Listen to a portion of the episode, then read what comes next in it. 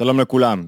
מהי התכונה הכי חשובה בנפש? התכונה הנרכשת. מה הכוונה נרכשת? זאת אומרת שהיא לא מוטבעת באנשים מסוימים באופן בלעדי, אלא שאפשר לצאת ולהשיג אותה. אפשר לעבוד, להתאמץ ולהשיג את התכונה הזאת. אפשר וצריך. ולמה היא התכונה הכי חשובה בנפש? לא בגלל שאני החלטתי שזו התכונה הכי חשובה בנפש, אלא כי היא עונה על הבעיה הכי גדולה בנפש. על הבעיה שמעסיקה בעיקר ילדים, מבוגרים, צעירים, בכל הגילאים. מה הבעיה הזאת? ניקח אתכם רגע אה, לוויקטור פרנקל, מי שלא מכיר, מגדולי ה... שנייה, מתנצל. מגדולי הפסיכיאטרים במאה הקודמת, האדם מחפש משמעות, עבר את השואה, סיפור אה, מהמם עם הלוגותרפיה שלו והשיטה שלו מהממת. הוא כותב כך, יש עוד תופעה שאפשר לכנותה ובצדק השתקעות יתר של ההמון. מה הכוונה השתקעות יתר? היא בולטת בייחוד בתרבות האמריקאית, שבה אנשים רבים שקועים בבחינה מתמדת של עצמם. תרבות האמריקאית זה גם תרבות הישראלית. בניתוח עצמם, על פי מניעים הנסתרים לכאורה להתנהגותם, במתן פירושים להתנהגותם. בקרב סטודנטים אמריקאים נחשבים הבנה עצמית ומימוש עצמי לערכים הנעלים ביותר. הבעיה הגדולה ביותר שאנשים עסוקים בעצמם בהגזמה.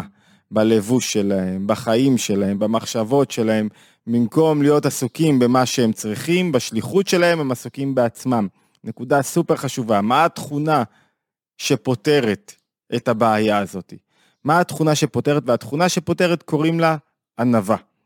מה זאת ענווה? בואו נגדיר מה זאת ענווה. לפני כן אני מזכיר, להירשם לערוץ שלנו, אנחנו מעלים מדי יום הם, התבוננות יומית, ואנחנו בתוך סדרת ניהול המחשבות, עלה כבר הפרק הרביעי, כל יום אה, התבוננות מעשית, רלוונטית, לפעמים עם תרגילים, תצטרפו אלינו, לייק, להירשם לערוץ, לשתף, וזה יאפשר לנו להגדיל את ההפצה של הסרטונים, להגיע ליותר אנשים, ובגלל זה אנחנו בעצם עושים את הסרטונים, למרות שאנחנו גם נהנים מאוד מזה ולומדים מאוד מזה, אבל חלק מהעניין זה להפיץ את זה כמה שיותר. אה, אז אם תעזרו לנו בזה, נהדר. טוב, מהי תכונת ענווה? מה מאפיין אותה? אנחנו תופסים ענווה בצורה לפעמים מוטעית. יש דרגות. שונות של ענווה, והגדרות שונות של ענווה. ענווה בדרגה אחת זה שהילד או המבוגר מבינים שגאווה היא תכונה לא רצויה. לא, לא טוב לי להתגאות. ואז הוא אומר לעצמו, עדיף לי לא להתגאות. ולא רק זה שהוא אומר לעצמו לא להתגאות, הוא לפעמים לא מחזיק לעצמו טובה, לא מרגיש את עצמו נעלה על מישהו אחר. מה ההפך מהענווה? שאני כל כך עסוק בעצמי שאנשים אחרים מתבטלים ולא מקבלים מקום. ואז אני ממילא נעלה בזמן שאני תופס, בתשומת לב. אדם ענב, על פי ההגדרה הראשונה, יודע שהמעלות שלו הם לא, הם לא שלו. הוא קיבל אותה מתנה. מה אני יכול להתגאות בזה שאני יפה? אני יפה? מה אני יכול להתגאות? קיבלתי את זה מתנה, אז מה יש לך להתגאות? תהיה ענב. אז הוא קיבל מבנה פנים אחר. לא שאני יפה, כן? מבנה פנים אחר. זאת אומרת, קיבלתי מתנה מסוימת, זה הכוחות שלי והכישורים שלי, ו- ואני מכיר על כך תודה, אבל אני לא מרגיש נעלה על זה שזה הכוחות והכישורים שלי. דרגה אחת. דרגה שנייה זה לא רק שאני לא מרגיש נעלה, אלא אני אומר לעצמי, אם מישהו אחר היה מקבל את הכוחות, הכישורים, היופי שלי, התנאים שלי, תנאי החיים שלי, הסביבה שלי, הוא היה עושה, מצליח יותר. ולכן אני שפל רוח כלפיו. בדרגה הראשונה לא שפל רוח, אני פשוט לא מתגאה. בדרגה השנייה נשפל רוח כלפיו, כי אני יודע שהוא היה מצליח יותר, עושה יותר, מממש יותר כוחות, שזה תכלית הבריאה, ועל כך אני, אני, אני מתבטל בפניו, אני מעריך אותו מאוד, וזה לא משנה אם יש לי כסף ואז אני יכול להתגאות עליו, אני לא מתגאה כי אני יודע שאם הוא היה מקבל את אותם תנאים, נפשיים, ביולוגיים, פיזיים, משפחתיים, סוציו-אקונומיים, הוא היה עושה יותר ממני. ולכן אין סיכוי שאני אתגאה בכסף שלי, או בהצלחות שלי, או, ב, או במה שיש לי, או ביופי שלי, או בכתיבה שלי, או במשהו כזה. הענווה הראשונה אומרת, אני מבין, אני לא מחזיק טובה. הענווה השנייה, אני אפילו בטל, אני אפילו משפיל את עצמי, ומרגיש נחות למטה מכל אדם. שפל רוח, הרמב"ן אומר את זה, ואז אני, בשכל שלי נתפס, שאם מישהו היה את המידות הללו ואת התכונות הללו, אני מתגבר על קשיים מסוימים. בזכות מידות שהוטמעו בי. אם בו היו מוטבעות כאלה אותן מידות, אז וואו, איך הוא היה מתמודד. ולכן אני לא יכול להיות נעלה על אף אדם שמתמודד עם שום קושי. יותר מזה, אני מרגיש שפל רוח, חסר ערך לעומתו. כי הוא קיבל את התנאי חיים שלו, ומי יודע כמה אני הייתי נופל אם אני הייתי בתנאי חיים שלו. הגדרה שלישית, אומרת משהו אחר לגמרי. שתי ההגדרות הראשונות, מה הבעיה שלהם? שהענב עשה כולו בעצמו. אני ענב, אני, אני שפל רוח, אני לא מתגאה, הכל סביב עצמו. מעלות, בהחלט, תכונות חשובות, לא צריך לבטל אותן. עדיף להיות ענב מאשר אה, גאוותן, מאשר מלא בעצמי, אבל עדיין עסקתי בעצמי והייתי סביב עצמי. ההגדרה השלישית של ענווה אומרת, לוקחים אותה מההגדרה של ענוותנותו של הקדוש ברוך הוא, שהוא יורד ומשפיל את עצמו כדי לברוא עולם ולהתעסק עם הדברים הקטנים ביותר, ולכן הוא נקרא גדול. מה זה הענווה הזאת? הענווה הזאת, אני יודע שיש לי ערך גדול.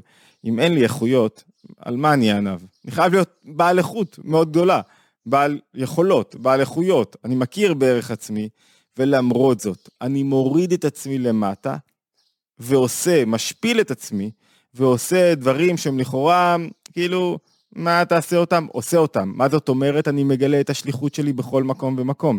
ועושה את מה שאני צריך להיות. הענווה בדרגה השלישית היא שהאדם יוצא מעצמו, לא עסוק בעצמו, ואז הוא מתעסק, הוא לא יש, הוא לא מלא בהרגשת עצמו, והוא עושה את מה שהוא צריך לעשות. ודיברנו כמה פעמים על עושה את מה שהוא צריך לעשות, וזה, וזה הענווה הגדולה ביותר. למה זה הענווה הגדולה ביותר? כי היא אומרת לי, זו הדרגה הגבוהה ביותר של ענווה. כי בענווה בדרגה הזאת האדם לא עסוק בעצמו. ובדרגה הזאת האדם יודע שיש לו ערך. אם לא היה לו ערך, מה שווה? מה שווה אם, אם אין לך ערך שתהיה ענב? אז על מה אתה ענב? אתה כלומניק, אז, בשביל, אז, אז על מה הענווה? ענווה שכל אדם שיש לו, יודע שיש לו ערך גדול. והוא מוכן לשים את כל התפיסה העצמית שלו בצד, ולעשות את מה שצריך להשתחרר ממחשבות, ומכל מיני דברים שתופסים אותו, ועושה מה שהוא צריך לעשות. דוגמה למשל, אמ, מדריך בצבא, מפקד, שאומר לחיילים שלו, אספו דלי סיגריות. סיפר לי חבר שלי את הדוגמה הזאת, עד כמה זה השפיע עליו. ואז, אחרי שהוא אומר להם את זה ומסביר להם את חשיבות הניקיון, הוא בעצמו אוסף. משפיל את עצמו ואוסף יחד איתם, זה איזו השפעה זאת. לא רק בדוגמה האישית, אלא בכך ש, שצריך לעשות את זה, אז הוא עושה את זה יחד איתם, אם זה כל כך חשוב, אז הוא עושה את זה. לא רק כדוגמה אישית, כי גם הוא עושה את זה. דוגמה אחרת זה בשתי הדרגות הראשונות, נגיד בא מישהו שיש לו מה להגיד.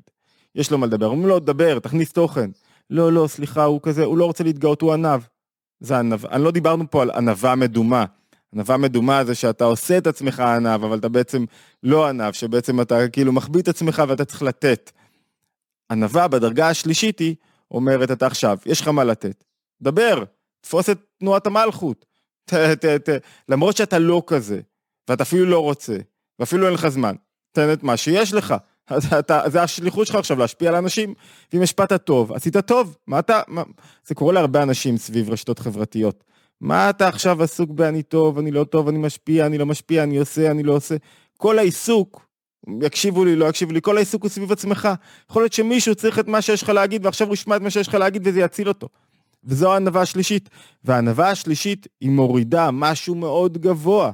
האדם לא עסוק בעצמו. היא מורידה משהו מאוד גבוה, היא מורידה את המעלה של האדם להתגלות בתוך המציאות. כי בתוך השליחות שלו הוא מגלה את המעלה של האדם. וכששואלים אותי שוב איך אנחנו מגלים את השליחות, אני מזכיר שיש לנו כמה סרטונים ויש אה, שיעור שלם בין למעלה משעה שמתווה קריטריונים לאיך אני יודע מה השליחות שלי, והספר הפוך, עוסק באריכות בגילוי השליחות, אז מי שרוצה מוזמן אה, להאזין בערוץ. אה, הענווה היא התכונה החשובה ביותר בנפש. למה? כי היא מוציאה את האדם, את הילד, את הצעיר ואת המבוגר מלהיות יש, מלעסוק כל הזמן בעצמו, מדברים עליי, מרכלים עליי, עוסקים בי, והוא מגרש מליבו מרה, מגרש מליבו את התנועות הכי לא רצויות שיש. הוא לא משתנה, הוא פשוט מגלה מה שהוא צריך לעשות. ומגלה את הכוחות הכי חשובים בנפש שלו. מזכיר לכולם, התבוננות יומית, אנחנו בתוך סדרת לנהל את המחשבות, הסרטון הזה הוא לא חלק מהסדרה, אנחנו מעלים סרטון או שניים בשבוע מתוך הסדרה, מוזמנים להצטרף אלינו, להירשם לערוץ, לייק, לשתף, תודה לכם, להשתמע בערוץ, בסרטון הבא.